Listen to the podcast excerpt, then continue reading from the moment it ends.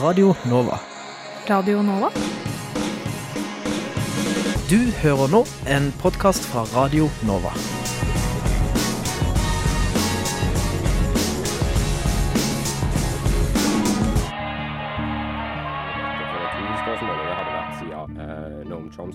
Etablerte den greina av lingvistikken som, som jeg befinner meg i. Vi håper jo på breiest mulig oppslutning om SV, og jeg tror at det eneste som kan få norsk løsner båndene mellom staten og kirka, og forhåpentligvis fører til tettere bånd mellom kirka og folk. Så hadde de gjort som andre fjøringsbevegelser i verden, hadde de helt legitimt kanskje tatt i våpen. Og, og så direkte skildring av menneskeskjebner tror jeg ikke vi har sett eh, i noen annen nyhetsdekning av noen annen terroraksjon. Det er såpass store forskjeller mellom den kalde krigen, hvor det var to stormakter som sto mot hverandre, eh, og den situasjonen vi har i dag.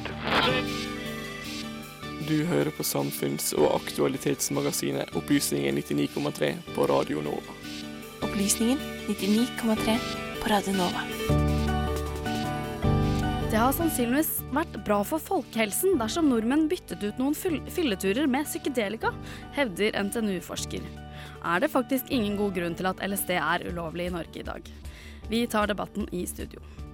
Aksjeroboter, noe fra en apokalyptisk fremtid, eller noe høyst reelt fra dagens finansøkonomi? Vi gir deg svaret. Havnearbeiderne i Oslo kjemper for jobbene sine og oppfordrer til boikott av havna. Blir de utsatt for sosial dumping, eller er eller nødvendige effektiviseringstiltak. Debatten får du hvert øyeblikk. Feriestasjon har en innvirkning på den enkelte nordmanns selvfølelse og identitet. De sliter, og de har ikke råd til å betale eh, markedspriser for, for gassen. Akkurat nå hører du på Radio Novas samfunns- og aktualitetsmagasin, Opplysningen 99,3. God formiddag og velkommen til Opplysningen 99,3 fredag 20. mars. Vi er altså Radionovas samfunns- og aktualitetsmagasin, og gir deg dyptpløyende analyse, bakgrunnsstoff og debatt. Både fra aktuelle saker, men gjerne også fra de sakene som har falt litt utafor medias hektiske søkelys. Mitt navn er Signe Grape. Men først. I over to år har det pågått en bitter strid mellom havnearbeiderne i Oslo og Oslo Havn KF. Havnearbeiderne krever at det tyrkiske konsernet Yilport, som i januar overtok drifta av Oslo havn, inngår den eksisterende tariffavtalen på området, som gir arbeiderne fortrinnsrett til å laste varer. Dette nekter Yilport, og sier de heller vil bruke egne ansatte. Nå oppfordrer havnearbeiderne til boikott av havna, og har fått flere havner i Europa med seg. Men er dette egentlig sosial dumping, eller er ikke havnearbeiderne i stand til å følge med på nødvendige og effektive omstillinger i et moderne arbeidsliv? Opplysningens Dag Sneve har vært på Oslo havn og snakket med Norsk Transportarbeiderforbund om boikotten.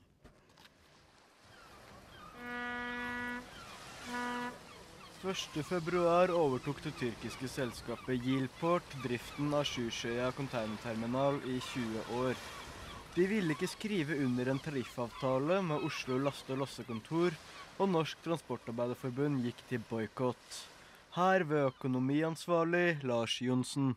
Altså En boikott, da oppfordrer vi til boikott. Og det betyr at eh, andre brukere av, av, de tjenestene oppfordres til å boikotte.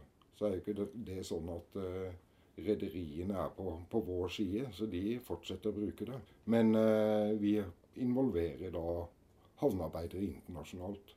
Sånn at Rotterdam har iverksatt boikott. Hamburg delvis. Og fra i går så, så gikk da danskene ut og boikotta alt gods til og fra Ylport i Oslo. Det betyr at de får ikke forsendelse fra de stedene. Gilport bruker Adecco og Maritim som vikar- og rekrutteringsbyråd. De sier at målet er å få alle vikarier over på faste kontrakter etter hvert som de vokser. Ja, de har sagt det. Men uh, de bruker da i dag, så langt vi veit, og innleide vikarer fra vikarbyrå. Adecco? Og ja, Adecco og, og, noe som heter Maritim. Gilport har begrunnet sin avgjørelse med en dom fra arbeidsretten i fjor der det ble sagt at selskap med eksklusiv rett til havna kunne bruke egne ansatte fremfor havnearbeidere. Nei, det har de ikke. Det er jo de som har uh, Hvem er det som har den rådigheten da? Det er Oslo Havn KF. Og, de... og, og havnedirektør Hamran sa etter et ganske hardt press både fra vår advokat og han eh, lederen av arbeidsretten, at nei, det var ingen eksklusiv råderett. Eksklusivitet er da at de kun at de sjøl kan bestemme hvilke skip som skal anløpe. Og etter den norske havne- og farvannsloven så er det svært få havner som har den eksklusive retten. Samtidig er 22 havnearbeidere varslet om oppsigelse og 14 permittert. Blant dem Stig Skaug, tillitsvalgt i Oslo laste- og lossekontor. Mye fra Dekko Sverige. Som eh, utfører, prøver å utføre vår jobb der ute nå. Mm, prøver det går ikke så bra. da. Eh, nei, det går ikke så bra der ute. Vi har jo tross alt en del krav til, til kompetanse før vi får lov til å jobbe aleine, bl.a. Og vi har jo 200 timers opplæring. Vi jobber jo i team, da. Tre eller fem. Så de fleste av de som jobber der ute nå, hadde vel antageligvis ikke vært på en containerterminal i hele tatt. Eller i havn. Yieldport vil ikke svare opplysningen på spørsmål om hvordan sikkerheten blir ivaretatt nå. Det er ikke klart når boikotten vil ta slutt, men enkelte er bekymret for at den vil vare helt til 2016. Ja, det var altså Dag Sneve som hadde vært på Oslo havn. Eh, I studio har vi nå Vegard Holm, eh, som er eh, fagforeningsmann, transportarbeider, og som bl.a. tidligere har vært redaktør i Transportarbeideren, som er Norsk Transportarbeiderforbund sin avis. Og på telefon har vi Arnt Einar Lit- Litzheim, som er direktør av Norsk havneforening, en interesseorganisasjon for norske havner. Velkommen begge to. Takk, takk. Først til deg, Holm.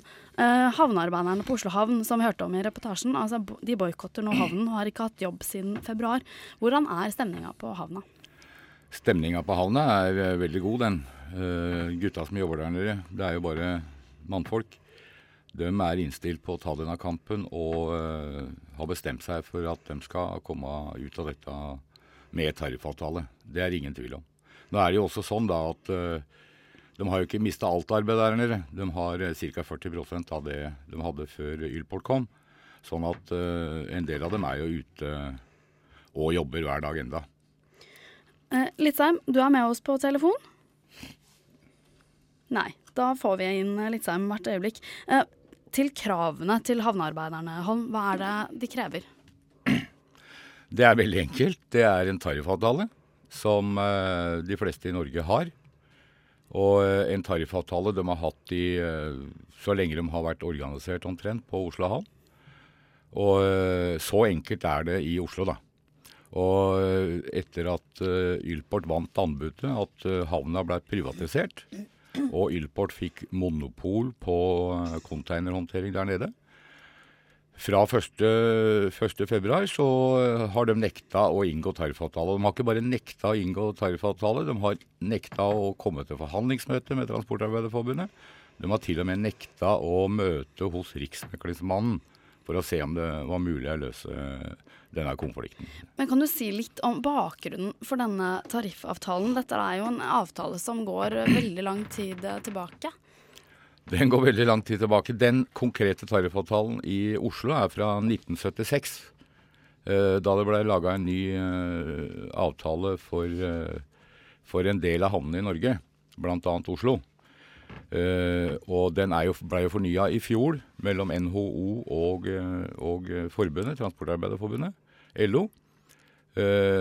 Sånn at, men før det så hadde de selvfølgelig også tariffavtale på Oslo havn.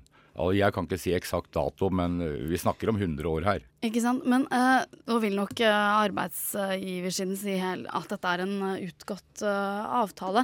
Men litt om måte litt mer den historiske konteksten. For det er jo sånn at grunnen til at man har fått Altså at havnearbeiderne har fått fortrinnsrett til, til å losse varer. Dette er jo fordi man ikke har vært fast ansatt. Man er ikke ansatt i havnene. Man blir leid inn. Eh, det du sier her er eh, feil. For det første så Jeg, må- jeg må ta litt et Ja da, fortell, eh, opplys oss nå. Punkt for punkt. Ja, jeg skal prøve det. Eh, det for det første så er det noen som hevder at dette er en UK tariffavtale. Det er helt riktig. Men eh, det er da krefter i NHO, det er krefter på Oslo Havn KF, den som eier havna, driver havna.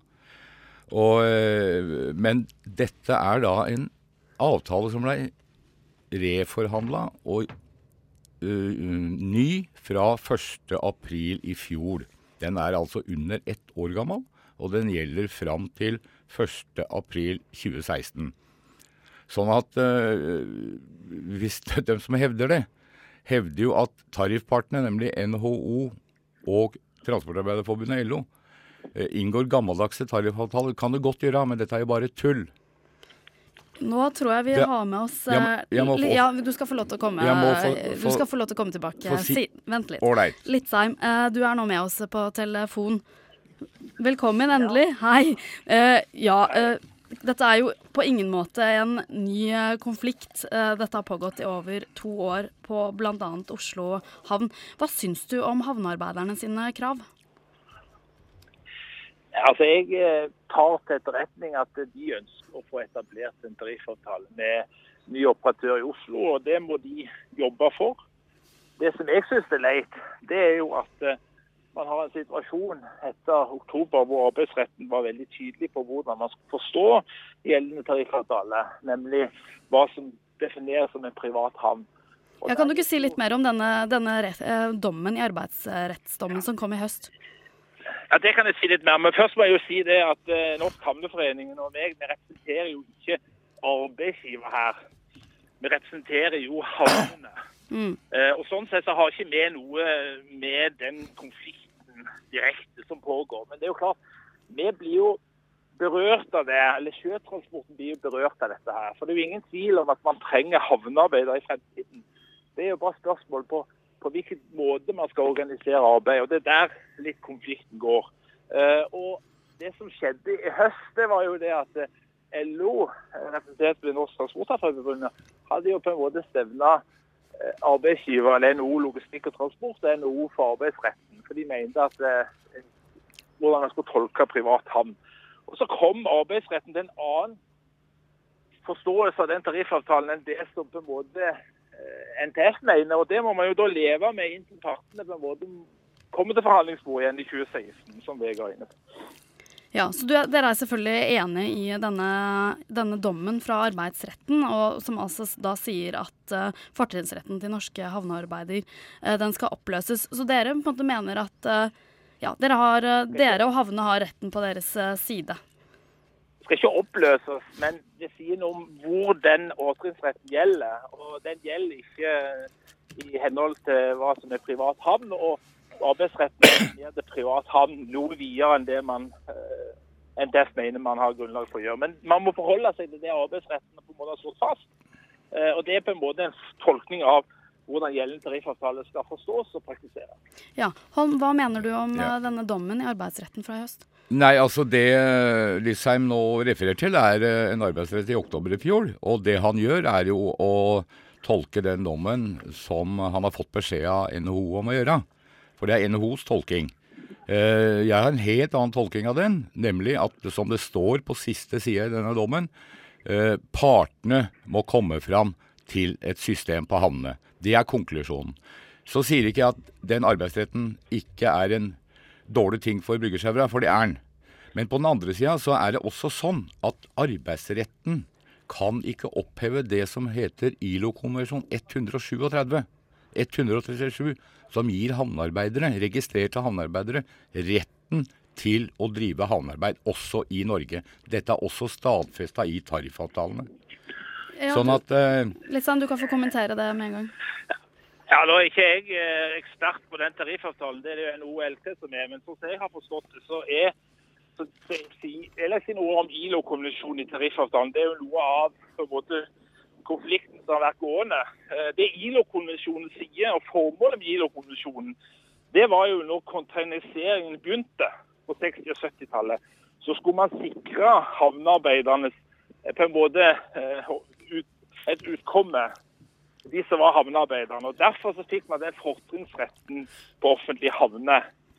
Eh, og etter det så har jo situasjonen blitt dit at eh, det viktigste er jo å sikre at havnearbeiderne har et fast utkomme. Og jeg har jo tatt til orde for lenge at den beste måten å sikre ILO-konvensjonens intensjon, det er at havnearbeiderne, de som er havnearbeidere organisert i NTF, søker på de jobbene som disse operatørene nå tilbyr å lyse ut. Og eh, det jeg hører, det er jo at eh, ledelsen i NTF sier at det bør ikke medlemmene gjøre. Og det tror jeg er litt Nå tuller du. Eh, Du Nå skal, tull- eh, en Jo, men altså- jo, jo, du skal, du skal få lov til å kommentere. Fullfør setningen, du er litt sein. Nei, altså jeg tror jo at det, det beste hadde jo vært at, at For det som er situasjonen nå, det er jo at man har et bemanningsbyrå. Og det jeg syns er litt underlig Da har vi vært gjennom en lengre streik i Norwegian hvor, hvor eh, arbeidstakerne på en måte hevder at de ikke vil være en del av et bemanningsbyrå. Det er ja, en eh, helt annen debatt vi ikke har tid til nå. Men eh, Holm, er ikke dette et poeng? Dere havnearbeiderne på bl.a. Oslo havn står helt fritt til å søke på de jobbene som alle andre. Er ikke det Jeg helt må, greit? det er selvsagt ikke greit. For her bare kutter de ut havnearbeidere på seks ukers varsel. Sier at de ikke har dem. De stiller ikke ved forhandlingsbordet. De vil ikke møte i mekling. De har, gitt, de har lagt ut annonser og ø, søkt etter folk uten å informere folka på havna. Så dette er bare en bløff fra Ylport, og nå også som Litzheim øh, framfører her i radioen. Men jeg må få lov å si når du refererer til ILO-konvensjon 137, så ble den ratifisert i 1973. Den gjaldt i Norge fra 1975, og i 1976 fikk vi en tariffavtale i Norge for bryggesjauere som ble laga ut ifra denne ILO-konvensjonen. Og den er ikke gammeldags. Dette arbeidet skal fortsatt gjøre av noen, og dette er bare et råkjør fra NHO og andre innafor havnesystemet. Og når du snakker om bemanningsbyråer, så er jo dette en kjempebløff, og det veit du sikkert. Men bryggesjauere i Oslo som ellers i landet er fast ansatt i et losse- og lastekontor som er oppretta av arbeidsgivere og eh, bryggesjauere sammen. Og arbeidsgivere har flertall i styret og styrer butikken, men de har det sammen. Det er et non-profit-selskap, og det er problemet til mange. De Bryggesjauere kan ingen tjene penger på. Derfor så vil de endre det, sånn at de kan ta ut mer profitt. Det er poenget. Ja, og nå er verken altså NHO eller eh, eh, eller eh, Oslo havn til stede, men Litzheim, du får selvfølgelig svar på dette. Nei, altså Jeg tror på en måte at denne et, situasjonen her viser at uh, tiden har løpt fra disse laste- og lossekontorene. Uh, hvor, uh, som holder med riktig at de er på en måte organisert av både arbeidstaker- og arbeidsgiversiden. Men tiden har endra seg. Det man trenger nå, det er fast ansettelse i, hos operatøren, sånn at operatøren kan på en måte utnytte og organisere arbeidet akkurat sånn som han ønsker det, i forhold til å få til en god og effektiv drift av havneoperasjonene. Men er ikke det, dette med, men er ikke havnearbeidere De er vel ikke hvilken som helst uh, yrkesgruppe? Det her er det jo folk med opplæring. Det er svært eh, farlig arbeid som gjøres på havna. Er ikke sikkerhet et veldig viktig poeng her? Det er ikke sånn at hvem som helst kan søke på disse jobbene. Nei, det er jo klart det man må ivareta sikkerheten. Det er jo klart Man må Man må se til at de som skal utføre dette arbeidet, har opplæring. Men det som har skjedd etter den arbeidsdommen, det er jo flere av disse operatørene sier nå at de vil styre inn sitt eget mannskap. Og det er jeg redd for at hvis eh, Holm bare hevder at eh, ILO-konvensjonen og fortrinnsretten, så har jo på en måte arbeidsrettsdommen på en måte begrenser den fortrinnsretten. Og det må på en måte havnearbeiderne ta inn over seg. For hvis ikke så risikerer de å stå uten arbeid. Ingen, ingen rettsinstans i Norge, eller heller ikke arbeidsretten, kan oppheve en ILO-konvensjon som er ratifisert i Norge. Det kan ikke skje. Så sjøl om dere tolker det, så er det en feiltolkning, feilslutning, og dere tar feil. En arbeidsretten kan ikke oppheve den, heller ikke i den dommen her. Men jeg har et spørsmål. Jeg har et spørsmål. Uh, uh, er det sånn at Du sier at tidene har endra seg, ja. Men den tariffavtalen du nå sier er gammeldags, den blei inngått mellom NHO og Norsk Transportarbeiderforbund, LO, i fjor. Fra 1. april, og den gjelder til 1. eh, april neste år. Og det er så dårlig respekt. Dere gir blaffen i, i, i kjørereglene i samfunnet, og det ser vi også på fem andre havner i Norge. Ja, En avtale som er inngått i fjor, kan vel ikke komme på som, som noen overraskelse for dere, Litzheim? Nei, og det er det ikke. Men, men jeg forholder meg til den tolkningen nå arbeidsretten har gjort av den tariffavtalen, hvor de har innskrekka den fortrinnsretten. For Det er jo ingen tvil om at ILO-konvensjonen og den fortrinnsretten gjelder. Men den gjelder i en mindre grad enn det den gjorde før den arbeidsreformen. Og Det må på en måte havnearbeiderne og NTF ta inn over seg. Eh, Holm, hva vil konsekvensene bli for norske havner dersom da utenlandske arbeidere f.eks. vil utføre, utføre det arbeidet som nå norske havnearbeidere gjør? Ja, Det er fint spørsmål, fordi at dette dreier seg om kjernen i dette. Man snakker om, altså det, det er en bløffen om at folk skal bli fast ansatte og vikarbyrå. Det er, det er bare bløff, sånn som jeg ser det. Eh, målet her er å bruke sjøfolk, filippinske, baltiske, polske eller hvor det måtte, søramerikanske eller hvor det måtte komme av i verden, som jobber gratis for deler av den jobben som bryggersjauere i dag gjør. Så uh, bryggersjauere har gode avtaler. Dette vil bli sosial dumping i stort monn hvis ikke bryggersjauere vinner denne kampen og får satt NHO og arbeidsgivere her på plass. Litt sein, du skal få selvfølgelig Sosial få, dumping. Ja, litt sein, du skal selvfølgelig få siste ord. Men kan du også, kan du også kommentere denne boikotten eh, som nå sprer seg rundt i flere havner eh, rundt omkring i Norge? Ja, altså Først det med sosial dumping. Det er bare noe tull. Altså, dette her er stillinger som kunngjøres hos operatørene på ordinære vilkår. Hvis du tar Drissavika f.eks., så eh, så har jo Energi eh, et annet LO-forbund vært der inne. og Det er ikke snakk om på en måte redusere lønninger og et lønnskamp. Det er ikke det det dreier seg om eh, i det hele tatt. Det dreier seg om hvordan man skal organisere arbeid i forbindelse med havneoperasjon. Eh, når det gjelder det spørsmålet om Hva var det siste du spurte om? Eh, Nei, jeg lurer på denne boikottaksjonen som sprer om seg rundt på norske havner. Ja, altså Det skjer jo, det har jo pågått lenge. Da begynte jo i Ritsavika, hvor, hvor havnearbeiderne NTF står og på en måte sier at de skal ha fortrinnsrett til, til arbeidet. Men, men, dette viser jo at det er jo et bemanningsbyrå. For hvis de hadde vært ansatt der, så hadde de jo hatt muligheten til når, når avtalen på en måte skal reforhandles. Snakk om saka, ikke om andre ting, Ja. da. Men vet du hva, jeg tror nesten jeg må avslutte eh, hele debatten her, og det ble ikke overraskende ikke enig her heller. I studio Vegard Holm, som er pensjonert eh, fagforeningsmann og tidligere redaktør i Transportarbeideren. Og så hadde vi på telefon eh, Arnt Einar Litzheim, som er direktør av Norsk Havneforening. Akkurat nå hører du på en podkast fra Radio Nova. Aksjeroboter har tatt over stadig mer av aksjehandelen på verdens børser. Dette er programmer som kan få tilgang til markedsinformasjon andre ikke har, ved å legge inn, gjennomføre eller kansellere en handel i et lynraskt tempo, samtidig som man kan gjennomføre flere og raskere handler enn før. Bjørnar Haugerud fra nabo naboprogrammet her på Radio Nova, Kapitalen, gir oss et innblikk i aksjerobotenes verden. Og heng med i svingene. Aksjemeglere er ikke som folk flest. Den tradisjonelle aksjemegleren som vi har fremstilt gjennom filmer som Wall Street med den kyniske Gordon Gekko og Wolf of Wall Street med antihelten Jordan Belfort, assosieres gjerne med den mest eksklusive kynismen som går hånd i hånd med bedragelser, selvrettferdig korrupsjon, sjalue koner, kokain av den høyeste kvalitet og luksushorer. Ja, hvilken risiko disse aksjemeglerne er villige til å ta, og det er nettopp det som knytter aksjer og mennesker sammen, nemlig risiko. Men nå kan det virke til at romantiseringen og dramatiseringen av aksjemegleren har blitt erstattet med automatisering. Du tenker kanskje 'hæ? Hva faen har automatisering med aksjer å gjøre?' Det kan jeg forstå, for folk flest så ser de kanskje ingen automatikk i aksjehandel. Den ene dagen er børsen grønn, og den andre dagen er den rød. Særlig i 2008 var den på sitt rødeste. Men nå skal du skjønne at aksjemegleren har ikke en arbeidsdag som det her lenger.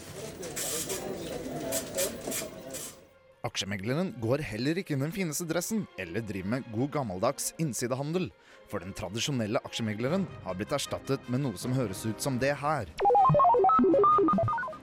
Nei, det var ikke et klipp fra en futuristisk sci-fi-film laget av Martin Scorsese, hvor Leonardo DiCaprio er ruset på kokain i en romferge og er på vei til solen for å dumpe dokumenter som beviser aksjemanipulasjon. Nei, fremtiden er her allerede. Aksjemeglerne blir i større grad erstattet med roboter. Og når en sier at børsen automatiseres, så betyr det at den tradisjonelle aksjemegleren har blitt byttet ut med roboter.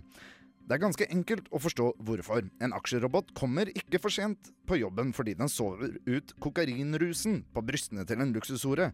Den er på jobben døgnet rundt, den krever ingen lønn, Og med det så trenger en ikke noen fete bonuser på skattebetalerens bekostning, jf. corporate payout anno 2008.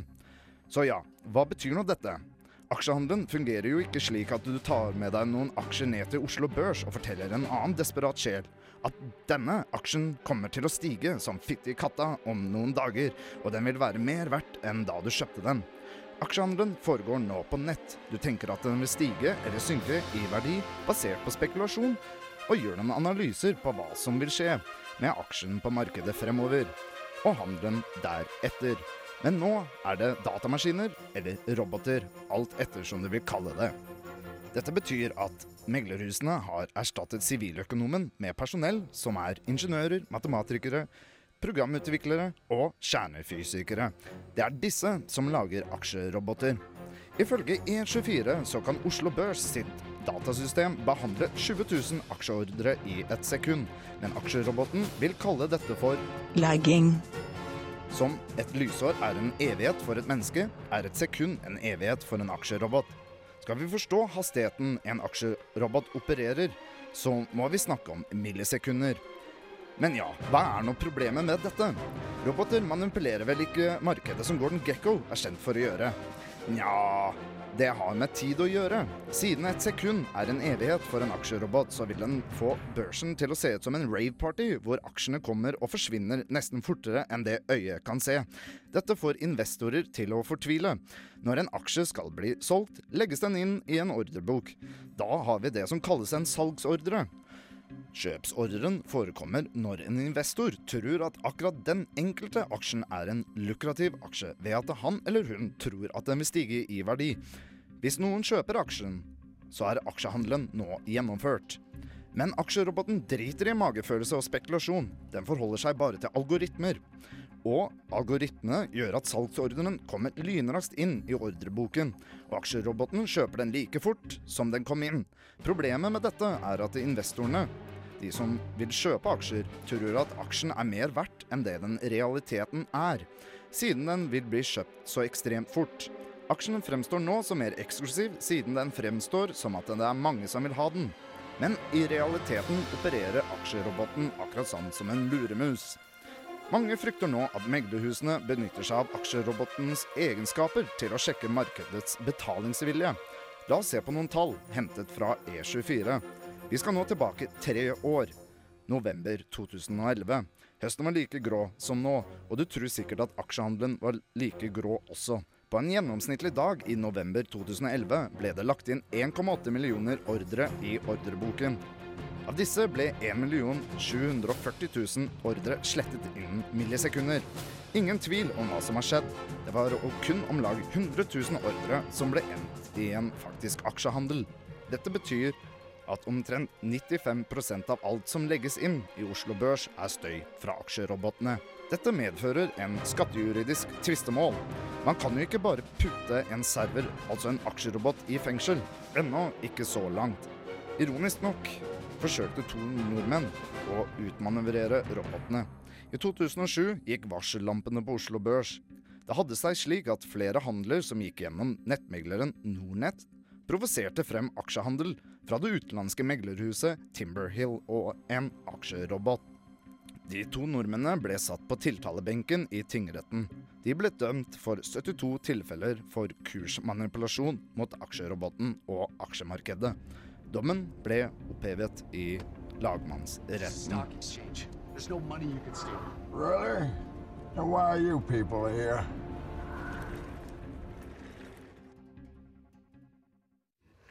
Det var altså Bjørnar Haugerud fra Kapitalen som hadde laget den, det stikket.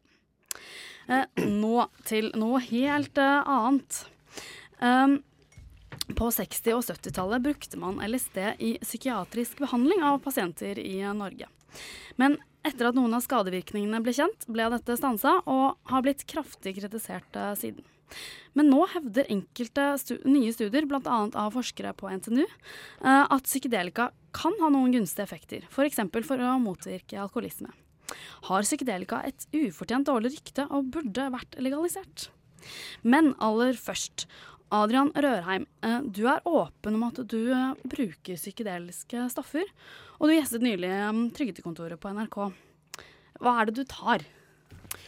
Vel, både LSD, psilocybin, DMT Altså de, de, mest, de mest vanlige psykedeliske stoffene, på en måte.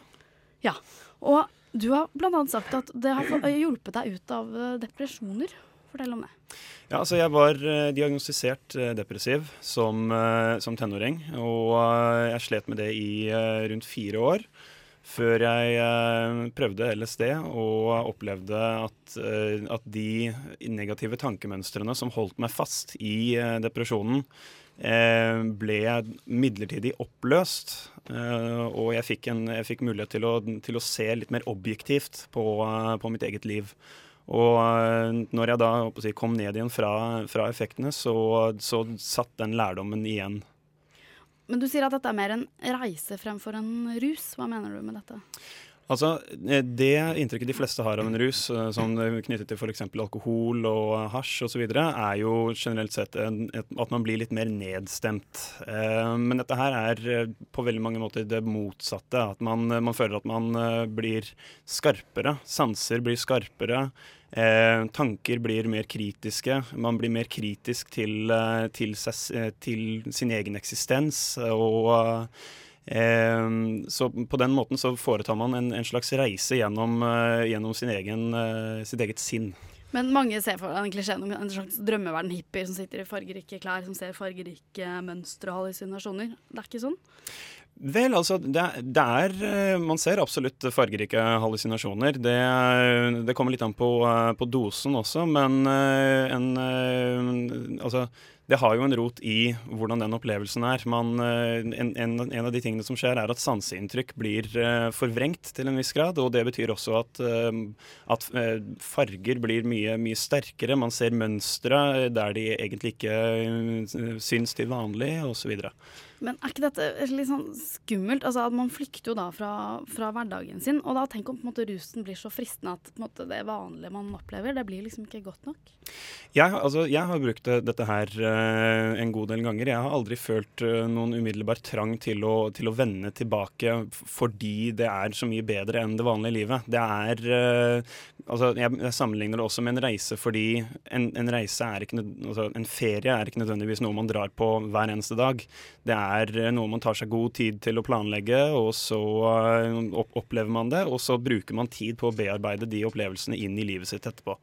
Men uh, dette er jo på en måte erfaringer som man på en måte allerede har. De finnes inni oss. Kan vi ikke på en måte gjennom andre metoder enn på en måte ja, LSD da, for eksempel, kan vi ikke på en måte gjennom meditasjon eller kognitiv terapi, hvis man trenger det, nettopp komme til disse samme sinnsstemningene? Jo, det er, det er mange som, eh, som hevder det at bl.a. meditasjon kan, eh, kan føre til eh, de samme spirituelle innsiktene som man kan få ved, ved bruk av psykedelika. Men det krever, til, til forskjell, veldig mye trening og veldig lang, dedikert eh, meditasjon for å i det hele tatt komme seg til, til det punktet. Mens eh, LSD til forskjell er slik at man kan ta det én gang og oppnå den sinnstilstanden. Så lenge det skjer i veldig trygge og kontrollerte omgivelser, så kan man oppnå den til- sinnstilstanden i løpet av bare noen timer. Nå er jo du da åpenbart eh, for en eh, legalisering av hallusinogener. Men du, du må jo ha opplevd noen negative virkninger. Eller hva syns andre rundt deg? Hva syns familien din om dette?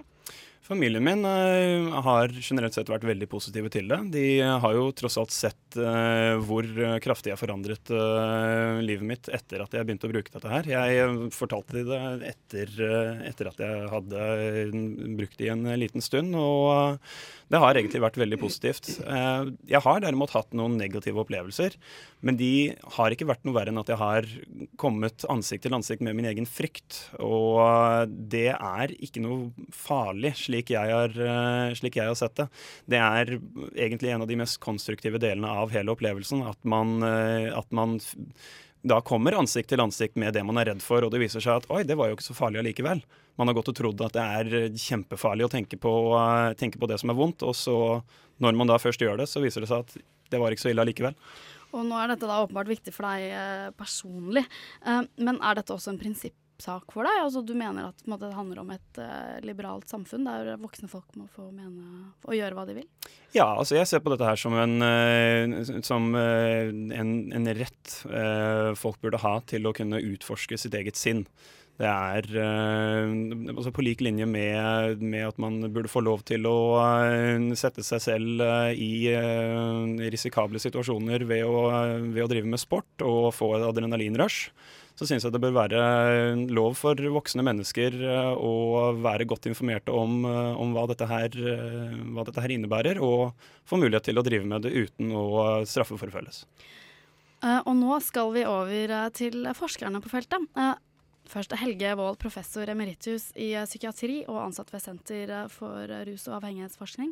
Og Pål Ørjan Johansen, forsker ved Institutt for nevromedisin ved NTNU. Velkommen, begge to. Um, aller først til deg, Vål. Hva er din, som fagmann, hva er disse psykedeliske stoffene eller hallusinogene? Hva er det de egentlig er? Altså, det er en gruppe stoffer som har um, relativt dårlig kartlagte virkninger i hjernen.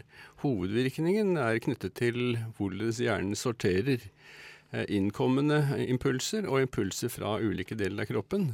Eh, det er områder i hjernen særlig knyttet til et, et, et eh, kjerne som heter talamus, som har en slags filterfunksjon. Og Det vi stort sett i hovedsak mener i dag, er at disse stoffene svekker filterfunksjonen, slik at hjernen, at hjernen lett blir oversvømmet av indre og ytre impulser.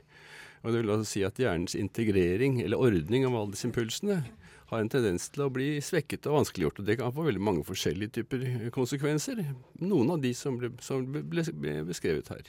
Uh, og la oss ta et lite raskt historisk tilbakeblikk til 60-tallet og Modum Bad, uh, som er en institusjon for behandling av psykiske lidelser. Her ble det altså brukt LSD i behandlingen.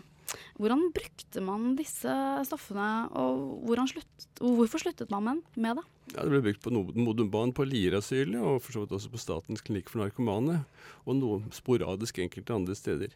Modumban var de som gjorde det mest systematisk, og de, eh, de informerte pasienten godt om hva som skulle skje, og hadde en terapeut som fulgte pasienten under, under påvirkning, eller rusen, som jeg vel vil kalle det. Eh, for å ta opp de tingene som personen da snakket med, eller husket på, eller tenkte på under, under påvirkningen.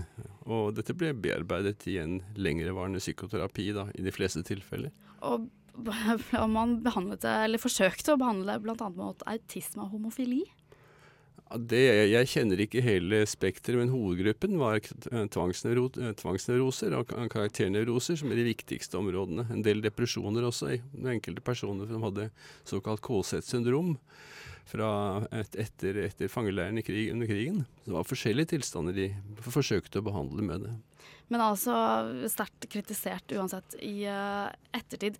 Kort, hva er de verste skadene psykedelika kan føre til, ifølge deg? Altså, jeg vet ikke om det ble så veldig kritisert, men det, det, er, det, som er riktig, er at selve behandlingsformen eller bruken av, av, av psykedelika kom i miskreditt av ulike grunner. Noen gode og noen dårlige. Slik at man i grunnen gikk bort fra det, også fordi det ble en internasjonal reaksjon på en økende internasjonal handel og bruk av det. Nei, hva som er de viktigste skadevirkningene, det har vært nokså overvurdert. Altså opp, oppdrevet. Man, det viktigste man hadde den gangen, var eh, knyttet til fare for, eller tro på, at det førte til kromosomskader, altså skade på arvestoffet.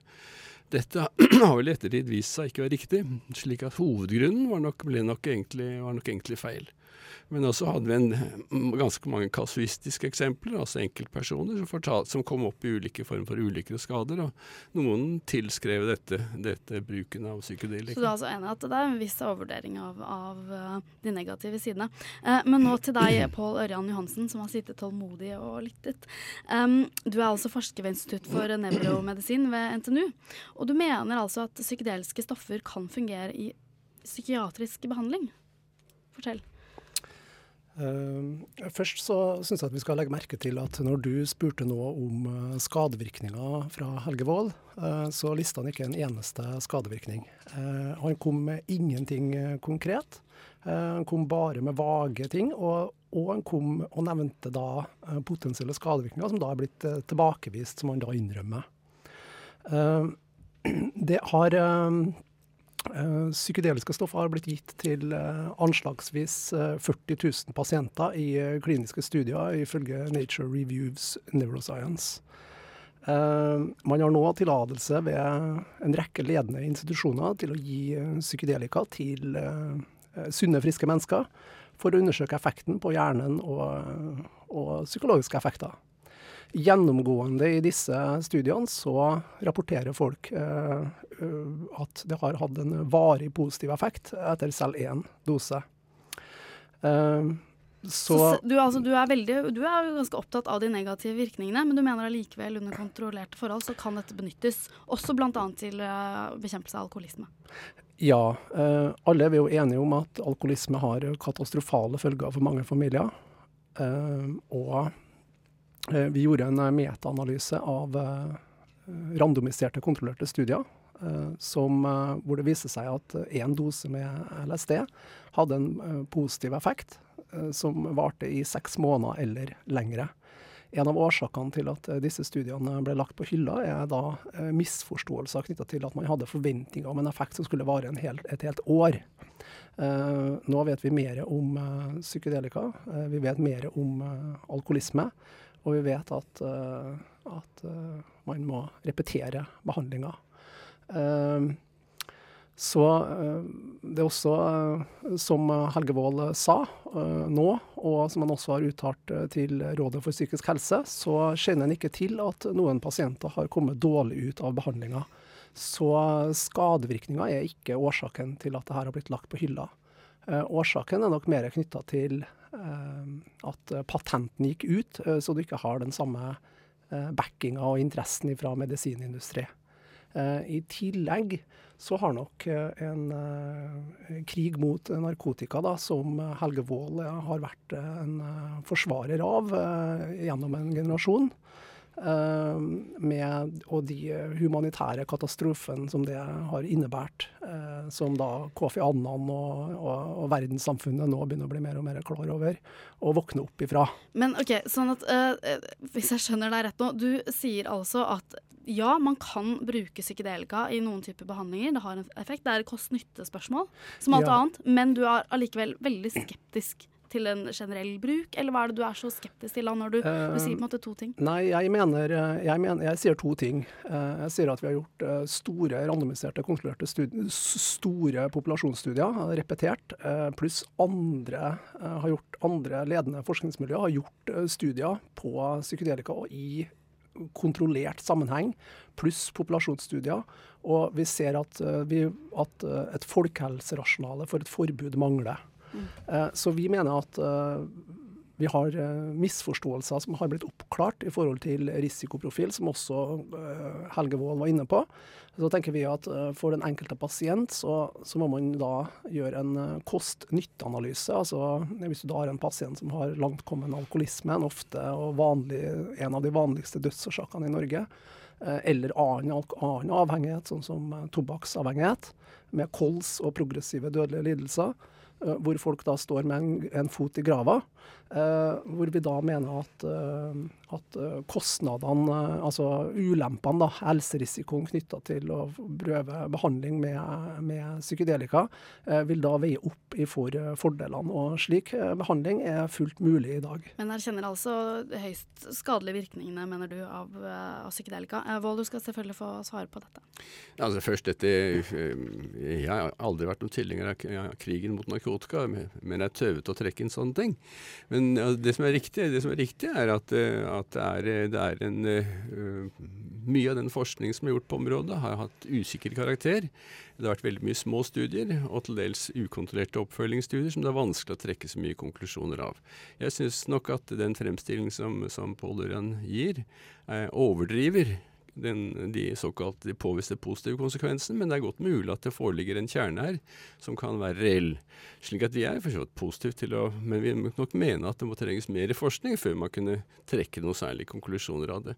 Stort sett så er det, er det Når det gjelder de positive tingene, er det stort sett enkeltkasuistikker, altså enkeltpersoner. Når det gjelder negative tingene, er det også stort sett eh, enkeltkasuistikker. Så er det noen små studier som eh, Pål Ørjen og andre har summert opp fra 60-tallet forskningsmetodologien den, den gang var, eh, vil i dag ikke gjennomgående ikke bli sagt god nok, slik at man nok trenger flere og mer større studier for å kunne trekke noen, særlig, noen sikker konklusjon iallfall. Samme, samme gjelder altså de store såkalte store populasjonene som det ikke er skadevirkninger på. Dette er, dette er store epidemiologiske studier som ikke har fokusert på dette spesielt, slik at opplysningene nok ikke er sikre nok. Ja, med forskning er dere nok begge enige om, men er dere egentlig så uenige, Johansen? Eh, I dag er det FN sin internasjonale lykkedag. Eh, Det er et eh, fundamentalt menneskelig mål å søke lykke, glede og selvforståelse. Jeg mener at Adrian Rørheim sin fortelling den er underbygd av en serie med studier i over 1000 pasienter ved John Hopkins University. Dette er sitert i Nature News.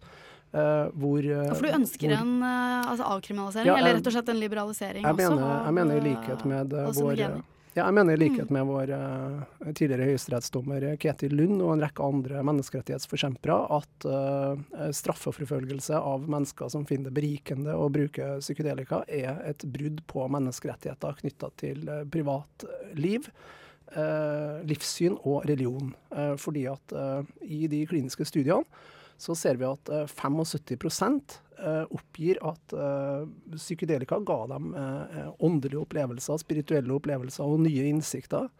Økt forståelse av seg selv, naturen, innsikt i sine problemer, eh, som da har gitt en varig, eh, Men du brukte jo hele ditt første innlegg på å snakke om de negative skadeeffektene. Er ikke det å slippe løs et Nei. potensielt enormt Nei, jeg, samfunnsproblem? jeg bare påpekte at, uh, at, uh, at Helge Wold ikke kommer med noe som helst konkret i forhold til skadevirkninger.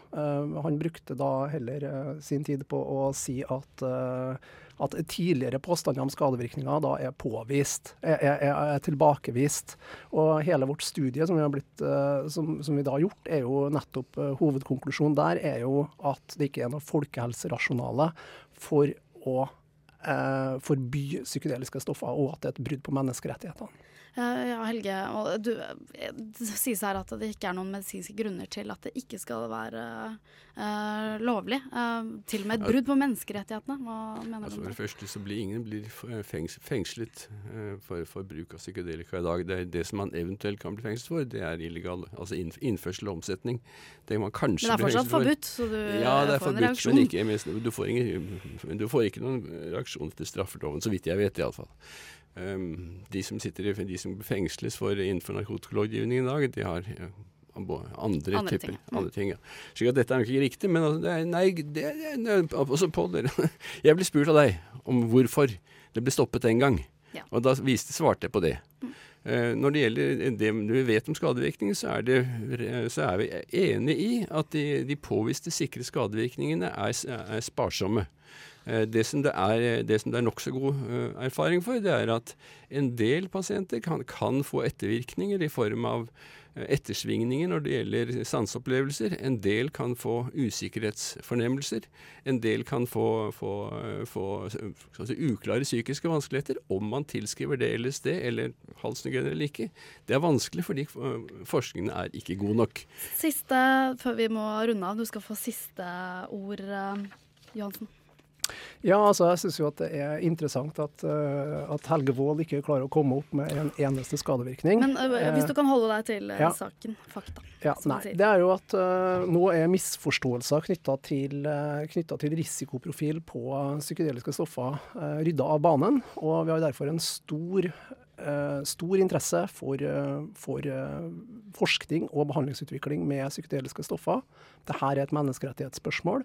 Og derfor har vi starta organisasjonen Emma Sofia, som har som formål å samle inn penger til produksjon av MDMA og psykedelika. Oi, oi, ja, til det er ikke noe vi har tid til å ta nå. eh, men eh, dette er en eh, debatt som er spennende å følge, og vi har i hvert fall bidratt til vårt for å sette den på dagsorden. Eh, takk til eh, deg, Helge Wold, professor emeritus i psykiatri. Eh, og deg, Pål Ørjan Johansen, du er altså forsker ved Institutt for nevromedisin ved NTNU. Og ikke minst til deg, Adrian Rørheim, en entusiastisk LSD-bruker. Og nå skal vi til ukens opplysning. Og den har du sett ut av vinduet nå. Det er, eh, våren er eh, snart på vei. det skal bli lysere tider, men er det kanskje litt mørkere enn det pleier å være? Se ut av vinduet og hør her.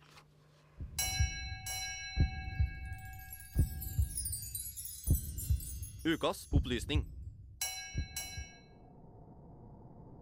Hører du på direkte nå, opplever du kanskje at det begynner å bli mørkere rundt deg. Er du ute, blir det stillere. Fuglene slutter å kvitre. Dyrene stopper opp. Naturen holder pusten i undring. Himmelen i vest begynner å bli mørk. Snart står månen i linje mellom jorda og sola.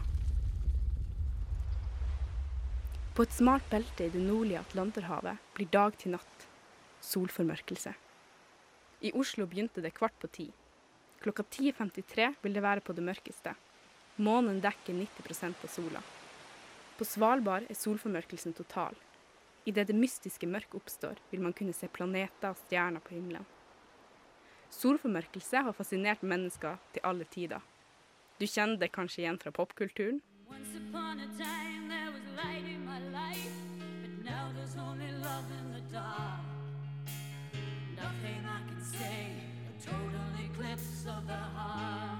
Alle fly til Svalbard er fullbooka. Hotellene er fulle for første gang på mange år. Eclipse Chasers har inntatt byen. Mennesker fra hele verden som reiser rundt i jakten på de beste solformørkelsene. Tre flammer åt solen, og man så store stjerner, står det i kinesiske kilder fra 1302 før Kristus. Før Jesus ropte de kjente ordene 'Min Gud, min Gud, hvorfor har du forlatt meg?' hadde et mørke senka seg over hele landet, midt på dagen. Solformørkelse skal ha stoppa kriger og vært årsaken til halshuggingen av en del astronomer. Men solformørkelse er ikke unikt for jorda. Planeten Jupiter har ingen fast overflate, men på fire av de 67 månedene er det ofte total solformørkelse. Månen Io er vulkansk og har nesten kontinuerlig utbrudd. Det ville nok vært et spesielt syn.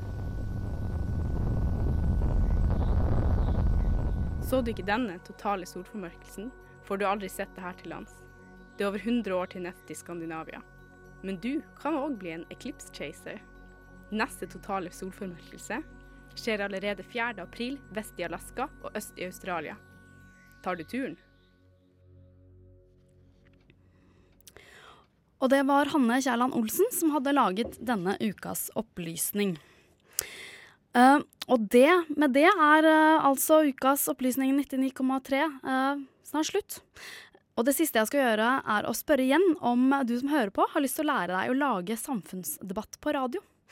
For Opplysningen 99,3 er på jakt etter nye radiojournalister og programledere. Om du har lyst til å bli med i redaksjonen vår, så kan du sende oss en melding på vår Facebook-side, Opplysningen 99,3, om du kunne tenke deg altså å bli med i redaksjonen vår. Denne uka Ukas teknikk, eller teknikken for dette programmet, var det Maja Myhren som sto for. Medvirkende til ukas sending har vært Marit Fiksdal, Hanne Kjærland Olsen, Marie Åkran, Dag Sneve og Manvi Rohatki. Og jeg heter altså Signe Grape. Hør oss igjen når som helst på radionova.no. Lik oss på Facebook, og Soundcloud-kontoen vår oppdateres igjen senest hver mandag. Og neste, uke, neste ut på kanalen er Nyhetsfredag med ferske studentnyheter.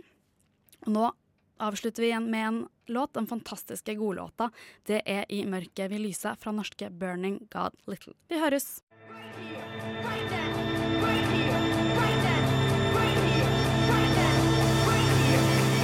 Radio Nova. Du har hørt en podkast fra Radio Nova. Likte du det du hørte? Du finner flere podkaster i iTunes og på radionova.no.